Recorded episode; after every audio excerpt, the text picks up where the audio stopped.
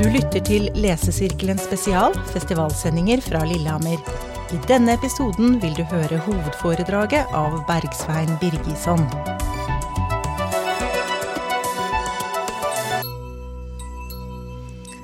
Hallo. Ja, her var det god lyd. Velkommen, kjære publikum. Velkommen til hovedforedraget. Et selvsagt høydepunkt i festivalprogrammet. Mitt navn er Marit Borkenhagen, og jeg er festivalsjef for Norsk litteraturfestival. Og jeg tenkte at jeg skulle begynne med å prøve å svare på spørsmålet om hvorfor vi har et hovedforedrag. Hovedforedraget skal utgjøre et senter og være den røde tråden som, tydeliggjøre den røde tråden som vikler seg gjennom festivalprogrammet. I år er festivalprogrammet komponert rundt det nordiske. Og hva er så det? Når oppsto det? Hvor kommer det fra? Hva omfatter det? Og i hvilken grad binder det oss sammen innenfor den geografiske enheten Norden utgjør? Bergsvein Birgesson er forfatter og kulturhistoriker, født i Reykjavik og i mange år bosatt i Bergen. I tillegg til romaner, dikt og fortellinger jakter han på vår nordiske historie med sakprosabøkene 'Den svarte vikingen' og 'Mannen fra middelalderen'. Han er en allsidig forfatter, og hans doble ståsted i det islandske og det norske, like hjemme i det skjønnlitterære som det faglitterære, Fiksjon og forskning, fortid og samtid er kvaliteter som gjør han spesielt interessant som hovedforedragsholder i år. Bergsvein ble spurt om han kunne holde et hovedforedrag om den norrøne kulturarven som ryggraden i nordisk litteratur.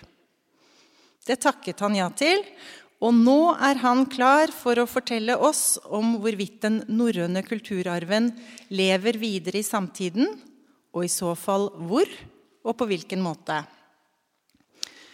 Hvordan lever det gamle videre i det nye? Og hva er det i den norrøne litteraturen og dens tankegods som gjør at den appellerer til oss i dag? Vær så god, Bergsvein Birkesson.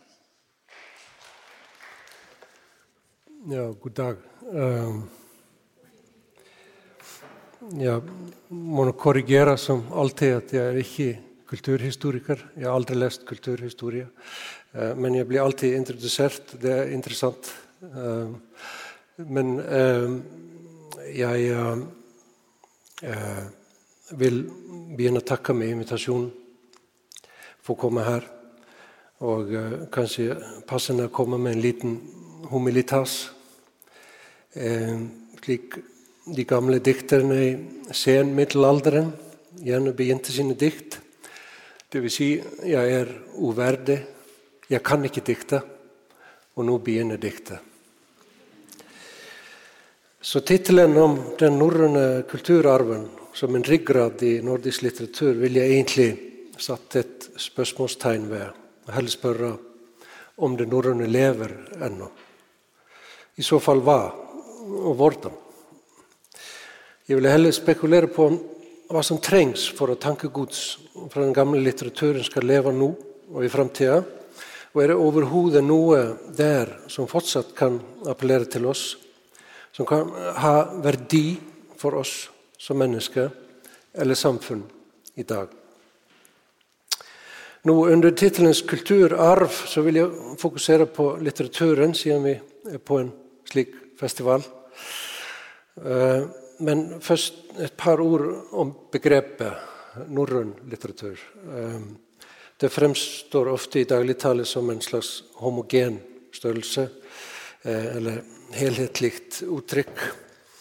I bunn og grunn snakker vi om et korpus som har oppstått i en periode på nesten 700 år, selv om 1200-tallet i og for seg kan regnes som nedskrivingens gullalder. Det er mange norrøne sjangrer, og midt i perioden skjer det et paradigmeskifte i tanke og mentalitet. der nordboerne beveger seg fra en slags urgammel og nedarvet tro, etikk og estetikk, over til kristendommen og det klassiske verdensbildet fra sør. Det var dramatiske greier. Eh, antagelig skildrer det berømte eddediktet Vølusbå en del av de psykologiske brytningene dette medførte for nordboerne. Vi har med andre ord å gjøre med den råeste surrealisme fra hedendommens mørke, som i den eldste skaldediktningen, min absolutte favoritt i, i, i denne litteraturen. Eh, men det er også helgenfortellingen der full av eh, kristendommens eh, lys. Det encyklopetiske verker, kristne selvhjelpsbøker, hedenske visdomsord, grammatikalske avhandlinger, poetikk, utallige frie oversettelser fra flere språk. Og så har vi samtidslitteratur, dvs. Si fortellinger fra nedskrivingstiden på 1200-tallet. Vi har samtidsrettede dikt av kjente skalder som skildrer dødsangsten i et uvær til sjøs, og vi har anonyme eddedikt som formidler historier om germanere fra 500-tallet. Det norrøne innbefatter en stor samling fantasilitteratur med draker og troll og gull i de såkalte fornaldersagene. Dette kalte man fabula. I andre enden har vi litteratur som gir seg ut for å være historisk autentisk eller korrekt, altså historie. Og så har vi en sjanger som er midt imellom disse ytterpunktene, eh, fabula og historie, og den kalles da saga. Og Min følelse er at det som oftest siktes til sagalitteraturen når vi i dagligtale snakker om norrøn litteratur, om det så handler om nordmenn eller islendinger, kongesagaer eller islendingesagaer. Og Derfor vil jeg sette mitt fokus der, i tillegg til den norrøne poesien, og da spesielt etterdiktene, som har vist seg å kunne trenge gjennom seklene med sin livsvisdom og mytologi. Nå, Takket være en skandinavisk fellesdugnad noen år tilbake, så finnes nå hele sagalitteraturen i nye og flotte oversettelser til alle de nordiske språk. Men likevel, om oversettelsen er fersk og lettforståelig, så er det en hel del i disse tekstene som virker fremmedartet for oss i dag. En saga begynner som oftest med lange genealogiske utlegninger. Og Altfor ofte hører man at folk gir opp allerede i de gørr kjedelige slektsoversiktene. Her øyner vi straks en annen samfunnsform, en annen etikk, og ser hvordan dette gir utslag i det litterære uttrykket. I det norrøne samfunnet var det en nødvendighet å kjenne sin slekt fem ledd tilbake. Dvs. Si, tipptippoldefar og tipptippoldemor. 16 stikk av hver kategori. Men i tillegg til disse 32 menneskene måtte du ha oversikt over alle de andre etterkommerne de hadde, i tillegg til deg selv.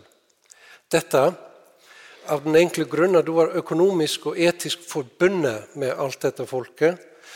Du kunne f.eks. kreve arv etter slektningene dine, eller du kunne kreve at du bistod dem i en feide. En frende kunne vikle deg inn i blodhevnens ødeleggende spiral av den enkle grunn at han var en frende. Straks her aner vi to nært beslekta begreper som vi har mista på veien. De virker delvis fremmed for oss, nemlig slekten og æren.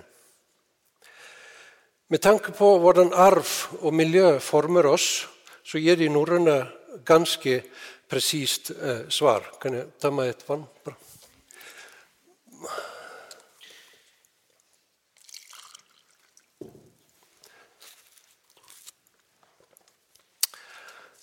Nemlig at kun en fjerdedel er miljø.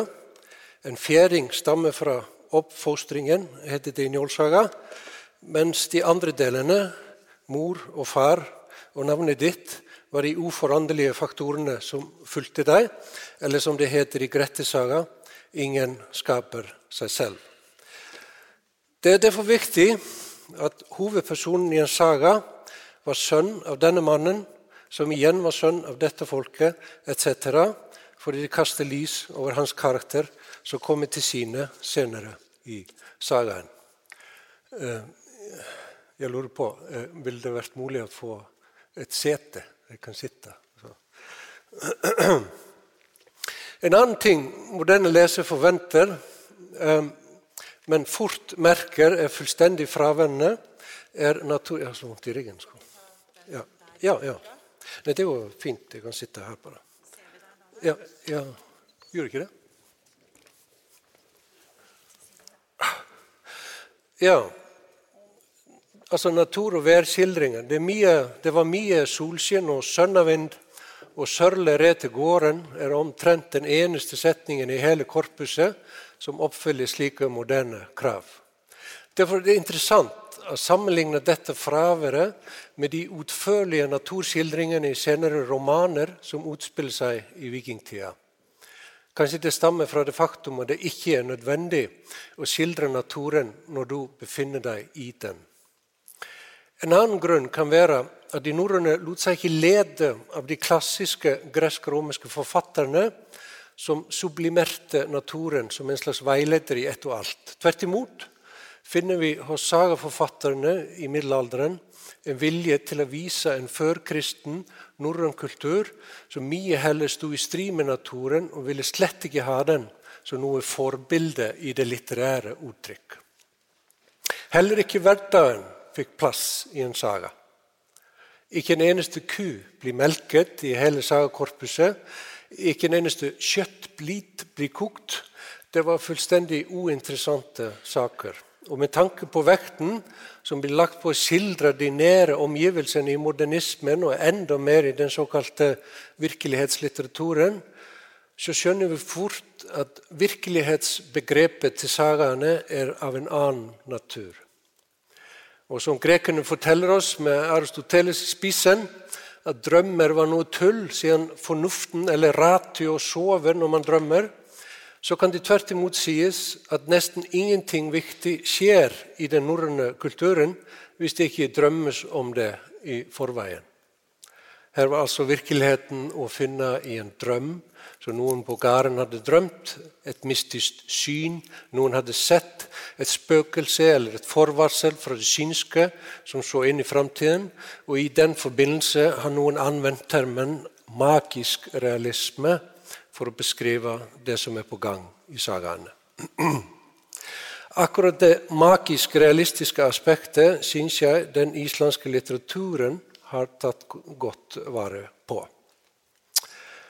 Nå et annet utslag av den norrøne æreskodeksen gjør sagalitteraturen til en lite krimvennlig sjanger. De den norrøne førkristne etikken gikk eh, ut på at enhver måtte stå ansvarlig for egne ord og handlinger. Sin eld skal hver avbyrgjast. Altså enhver skal ta vare på egen ild. Og selv om det finnes en god del saftige splatterscener og drap, er det ikke uvanlig i en saga at gjerningsmannen rir opp til gården til de nærmeste slektninger av den drepte og erklærer hva han har gjort, med vitne til stede. Her finnes altså ingen spennende søken etter en uh, morder.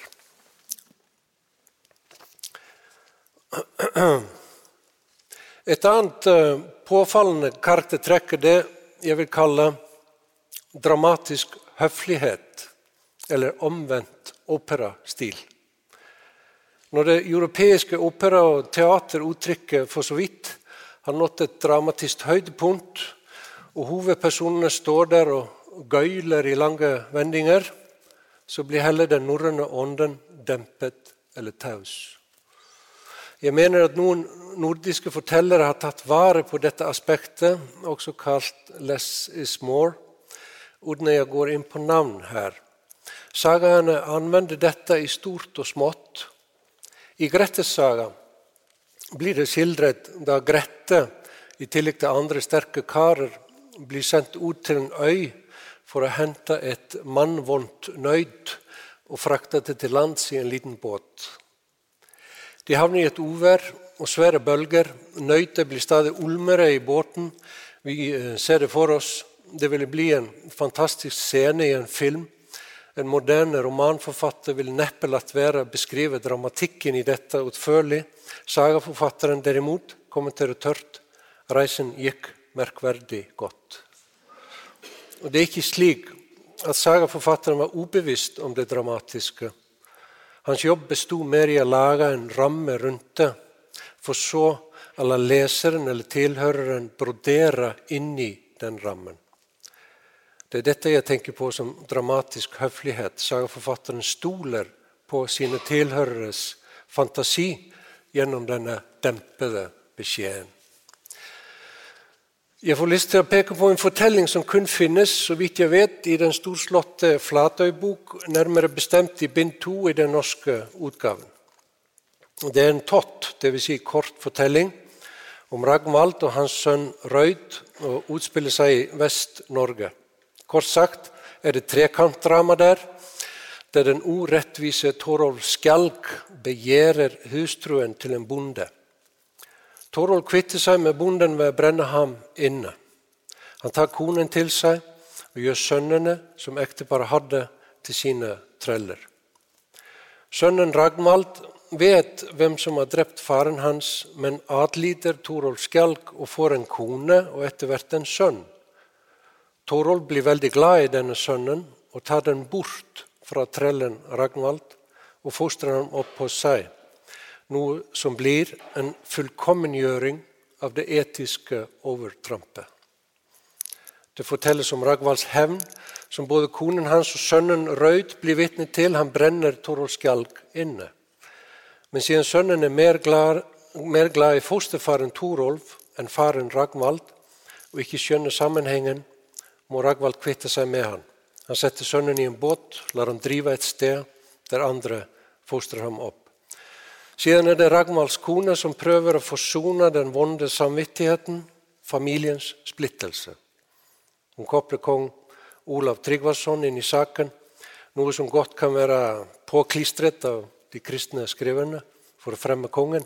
Men uansett, jeg ble veldig sterkt beveget da jeg leste denne korte historien. Når jeg så nærmere etter, skjønte jeg ikke hva det var. For selv om den lille fortellingen bød på alle de store følelsene i menneskelivet, ble det ikke satt ord på en eneste følelse i teksten. Det var lite om samtaler, ingen ord, ingen gråt og fortvilelse, ingen dramatikk som ble utbrodert. Det var en naken fortelling. Selv om den kunne strekket til et stort filmdrama, men hendelsesforløpet alene var nok til å røre meg.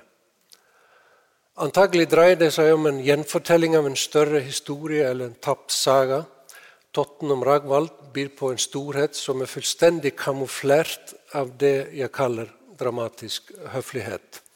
Og Slikt er det mye av i det norrøne korpuset.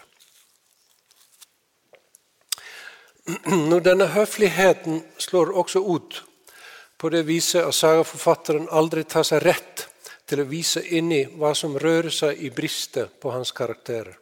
Det er ingen stream of consciousness der.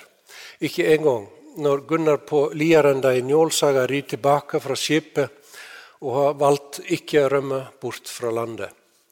Her hadde f.eks. Eh, Sigrid Undset hatt en ganske fyldig indre monolog, tenker jeg, fra Gunnars eh, ståsted. Sagamestrene kan altså aldri klandres for sentimentalitet eller overeksponering. Og her blir det avgjørende spørsmålet om vi i dag greier å ta imot denne høfligheten og etterkomme sagamestrenes ønske om at vi selv broderer ut det de serverer. I sagaen om skalden Kormak ser han den nakne vristen til sin elskede gjennom en dørsprekke og lengter begjærlig etter henne alle dager siden. Her har vi den norrøne erotikken i et nøtteskall. En naken vrist. Og du skal ta deg av resten. Vi må rett og slett være åpne for at det er vi som krever full utbrodering av det dramatiske, som er de fordervede, og ikke de gamle. Dette var noen eksempler på det fremmedartede i sagene for den moderne leser. Det forteller oss at for å kunne ta imot denne merkverdige sjangeren stilles det noen krav til oss som, senere, eh, som lesere om å løfte blikket over samtidens etiske og estetiske normer. Etiske, sier jeg, av den enkle grunn at estetikk aldri kan ses isolert fra en eller annen form for etikk. Vi husker det gamle slagordet om at det gode er det vakre, og det vakre er det gode. Dette kommer jeg tilbake til senere. Men hva består så storheten i disse delvis fremmede tekstene i? Sagaforskeren Einar Olav Sveinsson sa det en gang slik at det store ved sagaene var at de aldri ble en blind imitasjon. Og Da mente han etteraping av klassiske gresk-romerske verk, eller det de drev på med i samtidens eh, Europa. Og Her må vi huske at de som skrev sagaene, var som oftest klassisk dannede. De kunne sin latin og kjente godt til litterære strømninger i Europa takket være katolsk infrastruktur, et velfungerende internasjonalt kloster- og skolesystem. Europeerne lærte altså nordboerne å lage bøker, men ikke hva som skulle skrives i dem. Sagene er enestående fordi de er norrøne i sitt ideal og i sin etos.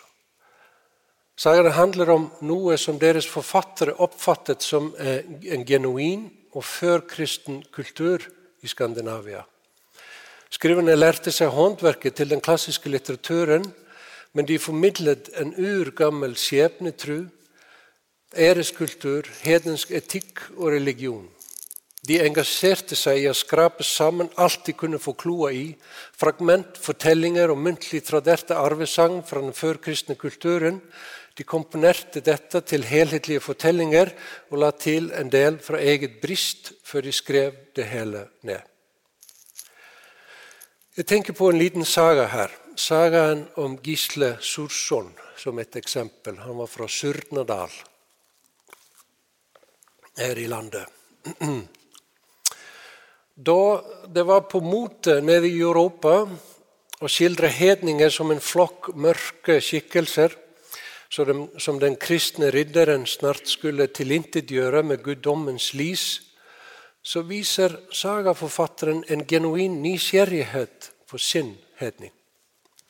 Vi lærer om hans tro og skikker, om hans drømmer og etiske ståsted, hans diktekunst ladet med hetenske symboler og forestillinger. Og Når vi leser videre, får vi en ekte sympati med et menneske som er fastlåst i ødeleggende samfunnsforhold. Et menneske dratt inn i blodhevnens katastrofale spiral. Et definitivt onde ved æreskulturen. Det store her er at hovedpersonen Gisle er verken god eller ond men en som lever etter sine samtidsverdier. Vi må ikke glemme at det har gått 300 år mellom hedningen Gisle og sagaforfatteren. Det har skjedd et paradigmeskifte i tanke og tro imellom dem. Det er ikke nødvendigvis sagaforfatterens etikk, estetikk eller ideal som skildres, men et annet som er fjernt for ham, men som han likevel respekterer som like verdifullt som sitt eget, som han vil ta vare på.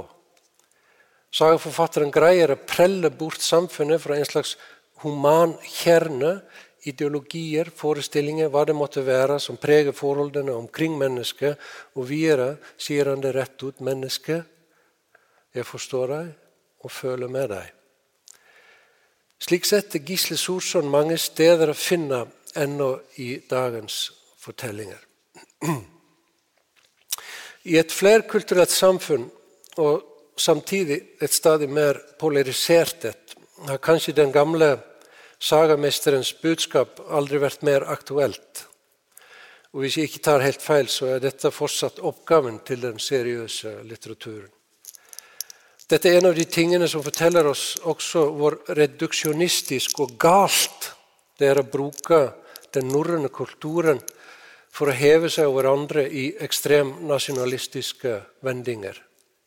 Den norrøne kulturen med sine betydelige innslag fra kelterne i Irland og samene i nord, i tillegg til det europeiske vi var innom, består like mye i å se den andre som å ta vare på sitt eget.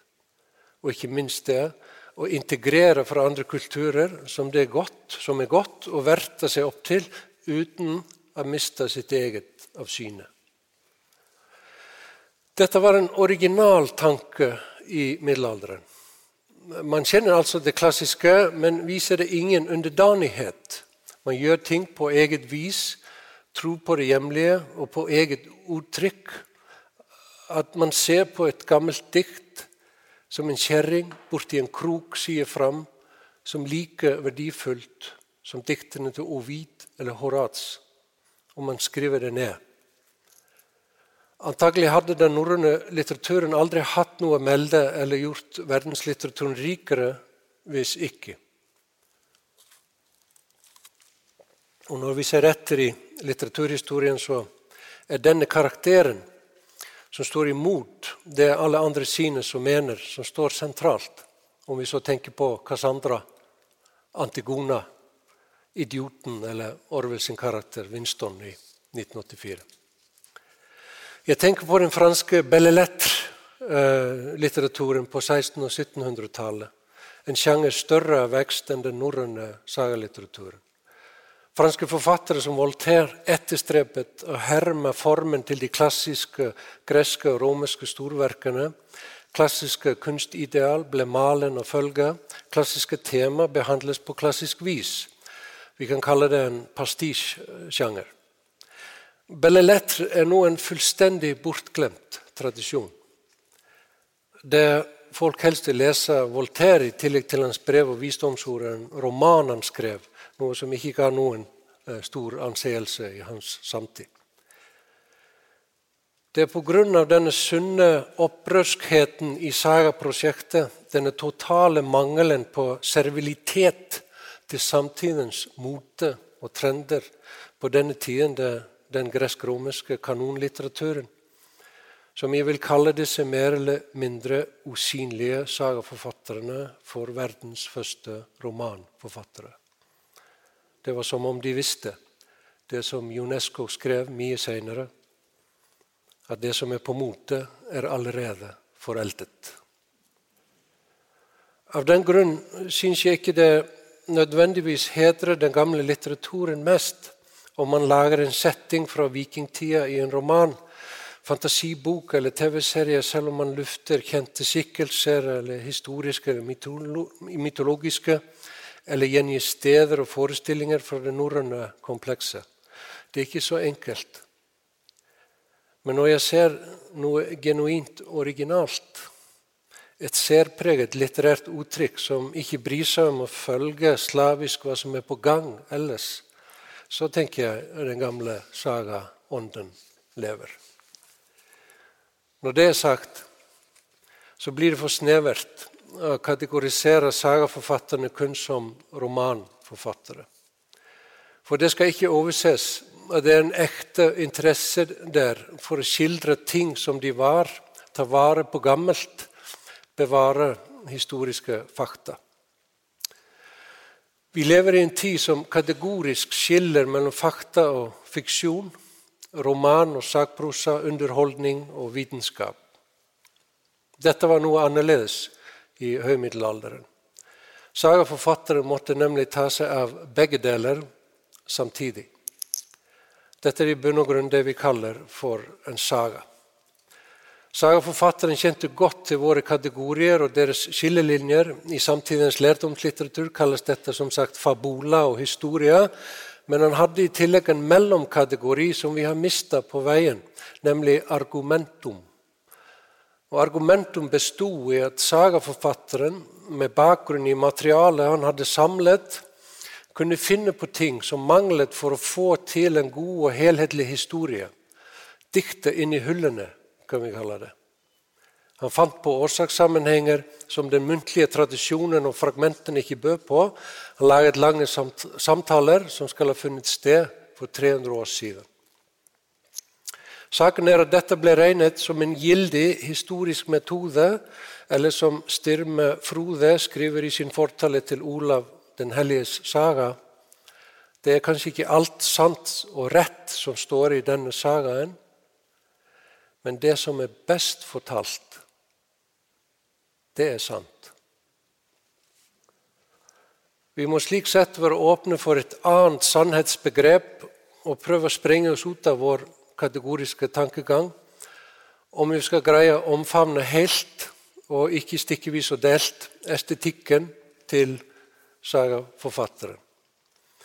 Og Hver generasjon må ha noe som greier å se og løfte denne kunstneriske helheten i sagalitteraturen. I dag har forfattere i stor grad måttet påta seg denne rollen. Her i Norge kan Røe Jacobsen og Torvald Steen nevnes.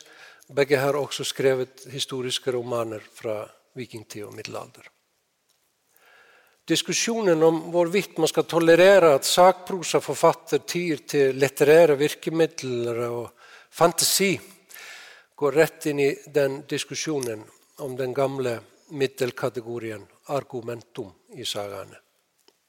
Og Det er kanskje slik at vi smått om senn begynner å komme fram til det samme som sagaforfatterne visste.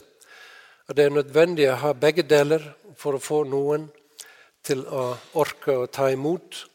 At gjennom vår er skapt for å huske gode historier og iscenesettelser, men dårlig til å ta imot og huske eh, abstrakte opplysninger.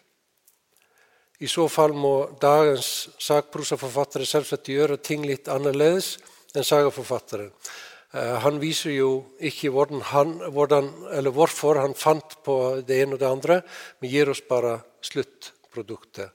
Altså sier bare 'sånn var det'. Vi kan være enige om at en sakprosaforfatter i dag må gjøre sin leser oppmerksom på når han dikter i tomrommene, og når han har empiri å støtte seg til. Jeg har kalt den metoden jeg har kommet fram til i mine bøker, for kunnskapsbasert fantasi, er en slags kvalifisert gjetning. Det er ingen enkel sak. Metoden krever både bred oversikt og kunnskap, men også god tid til refleksjon. Gjerne lengre tid enn et skrivestipend varer, for å si det akkurat som det er. Men hvordan står det så til med det norrøne i vår samtid? Um, vi er de fleste selvsagt enige om at det er fint og flott med kulturarven de gamle sagaene og poesien. Spørsmålet er om det skal slippe inn i våre liv. Skal det være et emne overlatt til forskere og spesialister? Skal vi kun høre det norrøne sitert i ekstremistenes taler? Skal det være noe vi lufter på høytidsdager, det vi skal skåle og feire arven, for så å legge den trygt tilbake bak et skuddsikkert glass? Innenfor universitetssystemet får du poeng og penger for å skrive hardcore vitenskapelige artikler om stadig mer mikroskopiske problemstillinger, og helst på engelsk, selv om det handler om norrøn kultur. Samtidig er den som vil forsøke å formidle til vanlige folk, avhengig av støtte fra andre institusjoner eller rett og slett fra seg selv. Akademikerne selv er ikke de skyldige her, men et system som lukkes stadig mer om noen få utvalgte spesialister. Problemet med det norrøne er en del av et større problem som humaniora står framme for over hele Europa. Det klassiske fag og klassiske språk sliter med å overleve. Man har før i tiden stolt på solidaritetsånden om at det smale, disse smale, klassiske fag skal få leve, selv om de ikke har den store tilstrømningen av studenter. Nå I de senere år har man derimot begynt å la den økonomiske modellen stille denne gamle solidaritetstankegangen i et kritisk lys. På de lavere skoletrinn blir noe norrønt og historie ennå, selv om ideen tydeligvis har begynt å sveve i skolekorridorene både i Norge og på Island at det hadde vært best å kutte ut begge deler. Kort sagt skal man ha mindre fortid og mer matematikk. Jeg mener det handler om menneskerettigheter, at barn har rett til å lære om sin fortid. For interessen der ute mangler ikke. Det har jeg fått erfare selv. Og Da jeg reiste blant videregående skoler en gang med min svarte viking, så fikk jeg oppleve noe som forbauset meg, nemlig en historisk sult blant unge mennesker. Så Populærkulturen har kommet sterkt inn de siste tiårene og løftet den norrøne, og det er vel og bra. Vikingen selger. Det er blitt en eksotisk verden, og man skjønner godt at det eventyraktige ved denne ferske perioden appellerer i våre tider. Personlig syns jeg at forfatteren forfatterne bak den norske humorserien 'Vikingane' har lest de norrøne kildene enda bedre enn de som står bak Vikings-serien. Jeg undres hvorfor alle disse forskerne i vikingtid ikke i større grad blir integrert i manusteamet som står bak slike storsatsinger. Samtidig er jeg forbauset over at de nordiske land, kanskje med ett lite unntak, ikke ennå har greid å samle seg om å lage én presentabel film fra denne nordiske storhetstiden. Det skrives mange bøker om vikinger i dag, og eh, som har en stor leseskare. Spørsmålet igjen er hvor dette havner på kunst- og underholdningsskalaen. Får vi anledning til å overføre disse fortellingene til våre egne tider? Eller skal det leses som noe som er langt borte, en lukket verden i seg selv? Jeg nevnte norske forfattere ovenfor, men i tillegg har Jan Ove Egeberg og Bjørn Andreas Bull Hansen her i Norge gjort en fabelaktig jobb med å få vikingtida inn på det lesende verdenskartet. Tore Kveven syns jeg har virkelig greid å lage gode fortellinger hvor både kulturelle og materielle aspekt i den norrøne kulturen er ivaretatt. Vilborg Davidsdottir på Island og norske Solveig Åreskjølde blant de altfor få kvinner som har gitt seg i kast med det norrøne.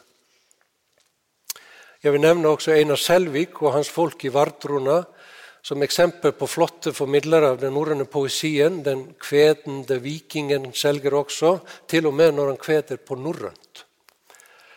Selv fikk jeg eh, hjelpe til da Selvik fikk jobben med å integrere norrøn skaldediktning inn i et av verdens største dataspill i dag, Assassins Creed Valhalla. Og kanskje så lenge slikt skjer, er det ikke fare på ferd. Men det kommer alltid til det evige spørsmålet om hva det er fra en tradisjon du skal forsøke å løfte inn i samtiden. Og her har jeg dessverre ikke fasitsvar. Samtidens TV-serier om vikinger greier etter mitt skjønn bedre å gjenskape den materielle kulturen enn den åndelige dimensjonen.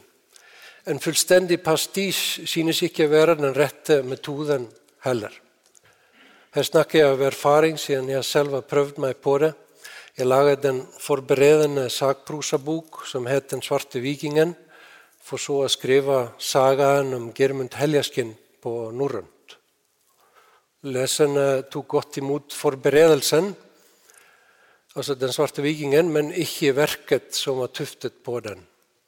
Jeg trodde det var lett for en leser å overføre fortellingen til moderne tider, men det ser ikke ut for å ha vært så enkelt. Det å lage en isolert fantasiverden kan neppe være målet heller.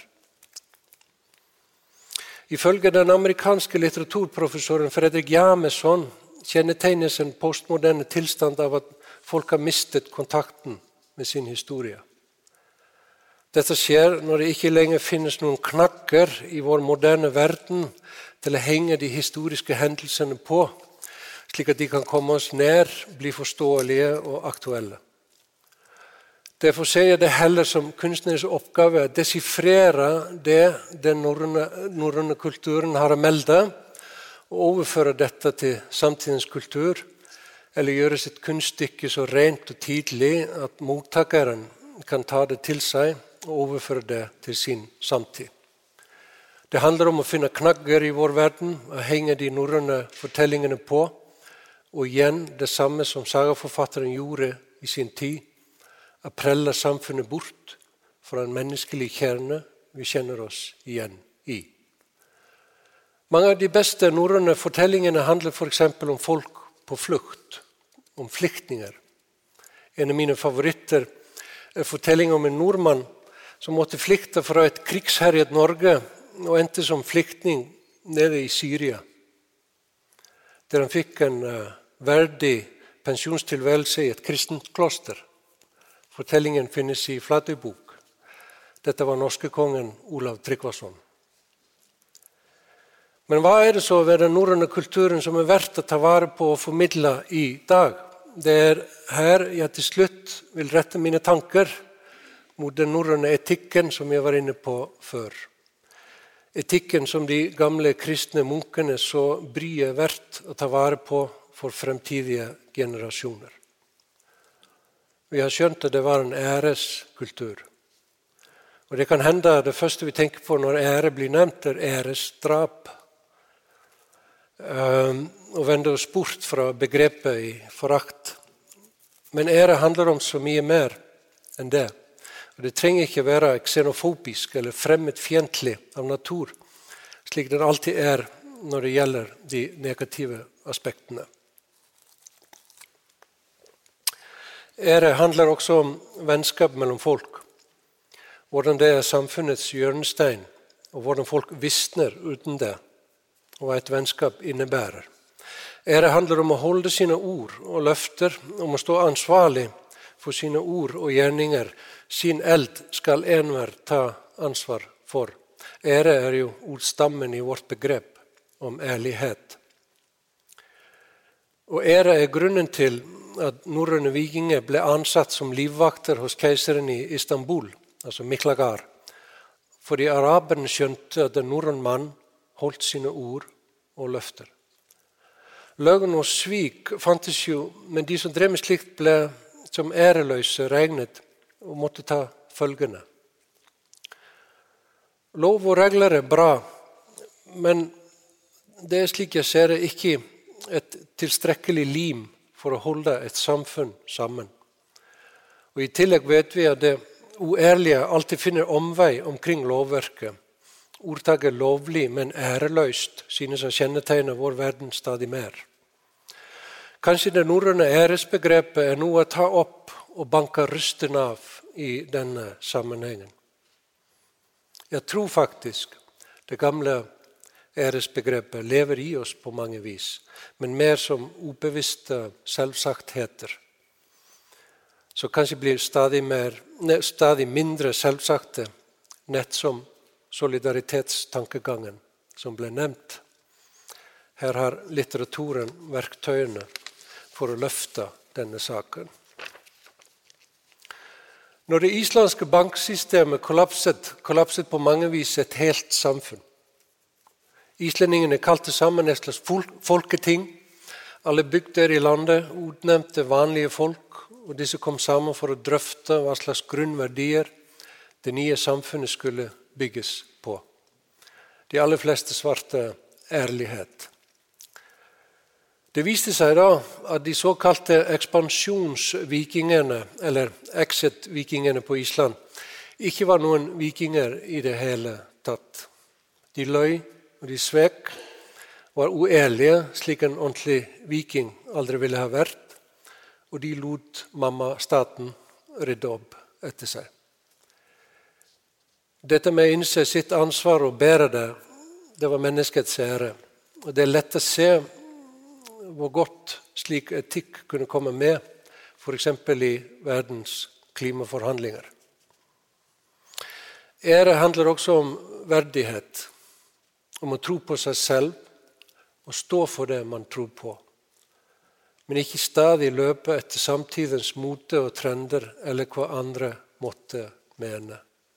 I hovedmål sies det Sel er den som eier selv sitt eget vett og heter mens han lever. For ofte har man fått ille råd fra andres bryst. Det fremkommer også at du skal lytte godt når du er ute blant folk. Være var og overveie dine ord og ikke ta for høytidelig det andre måtte mene om deg. Og Her tenker jeg ikke bare på en verden som blir stadig mer styrt av trendsettere og bloggere på jakt etter å bli populære og likt, eller ungdom som selger sin verdighet for noen dollar på Onlyfans Dette går også rett inn i samtidens netthetsproblematikk og kommentartråder, som går mer ut på å rope, rope ut en mening enn å ha en. Ære er å være herre i eget hus, selv om du bare har et par geiter og en liten dekorert stue, som det heter i samme dikte. Og når det gjelder forbrukerkulturen, hadde de norrøne kommet frem til den samme etikken som kalles den gylne middelvei hos Aristoteles, selv om det er grekeren skolebarna får lære om. Vi øyner en etikk som snakker imot underdanighet. Og det er noe verdt å tenke på for oss som er mer eller mindre svinbøyd under en ny liberalistisk overvåknings- og forbrukereksistens, der vi har på noen årtier latt noen gutter i Silikondalen få større innvirkning på hvordan vi tenker og føler, enn hele sivilisasjonens samlede litteratur og visdom. Samtidig får vi øye på sammenhengen mellom den gamle norrøne etikken og det estetiske uttrykket vi var inne på i sagaene.